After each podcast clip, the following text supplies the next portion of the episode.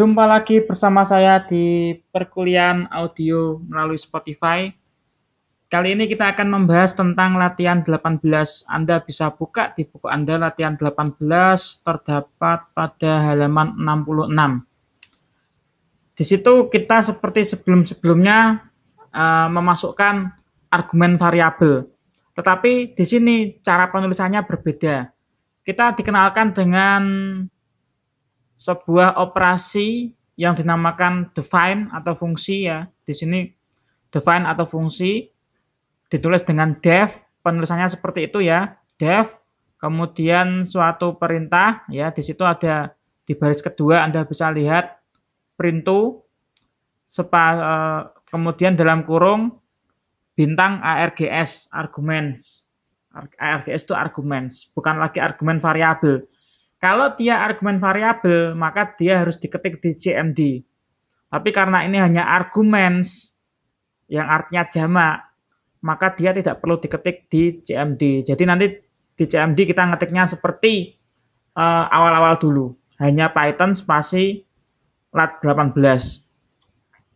Nah setelah itu kita definisikan argumennya ada dua nih, ARGS-nya ada dua, ARGS 1 dan ARGS 2. Kemudian print ARGS1 ya, ARG ARG1 dipanggil nanti ARG1-nya, ARG2, ARG2-nya juga dipanggil. Ingat ketika memberikan tanda print maka dia harus disertai dengan tanda kurung buka dan kurung tutup.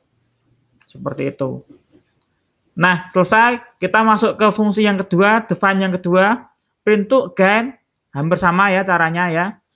Tapi di situ ARG1, ARG2 sudah didefinisikan di atas ya. Print jangan lupa dikasih tanda kurung buka kurung tutup.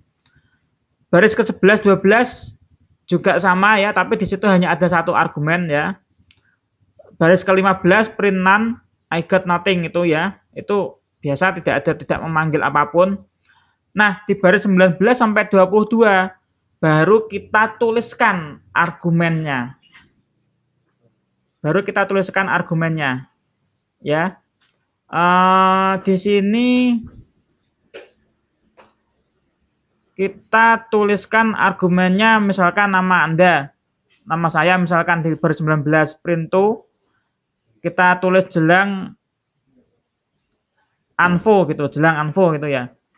Print to again, jelang info lagi, nanti force-nya ya tetap kita tulis force, print none seperti biasa. Kita tulis dulu skripnya di Notepad++.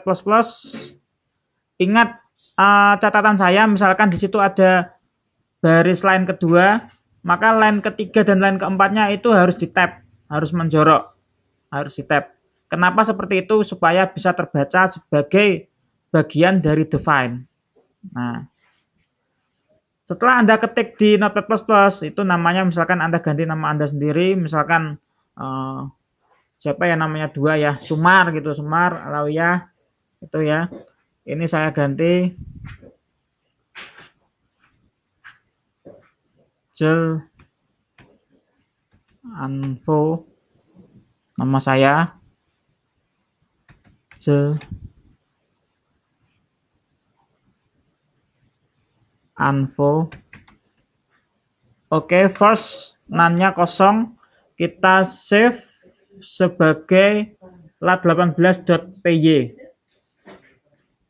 Jika sudah kita, oh yang language-nya diubah dulu ya, language p Python, kemudian kita save sebagai lat18.py. Kemudian kita bisa buka cmd, cd Python latihan, Kemudian kita bisa ketik seperti sebelumnya, seperti yang awal-awal dulu, Python lat18.py kita enter. Nah, di situ dia memanggil ya. Argumen 1 jel, argumen 2 info ya. Argumen 1 jel, jel arg2 info, first I got nothing. Itu artinya sudah bisa kalau tidak ada pesan error, artinya sudah bisa uh, memanggil script ini.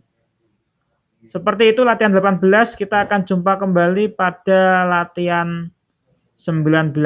Selamat belajar.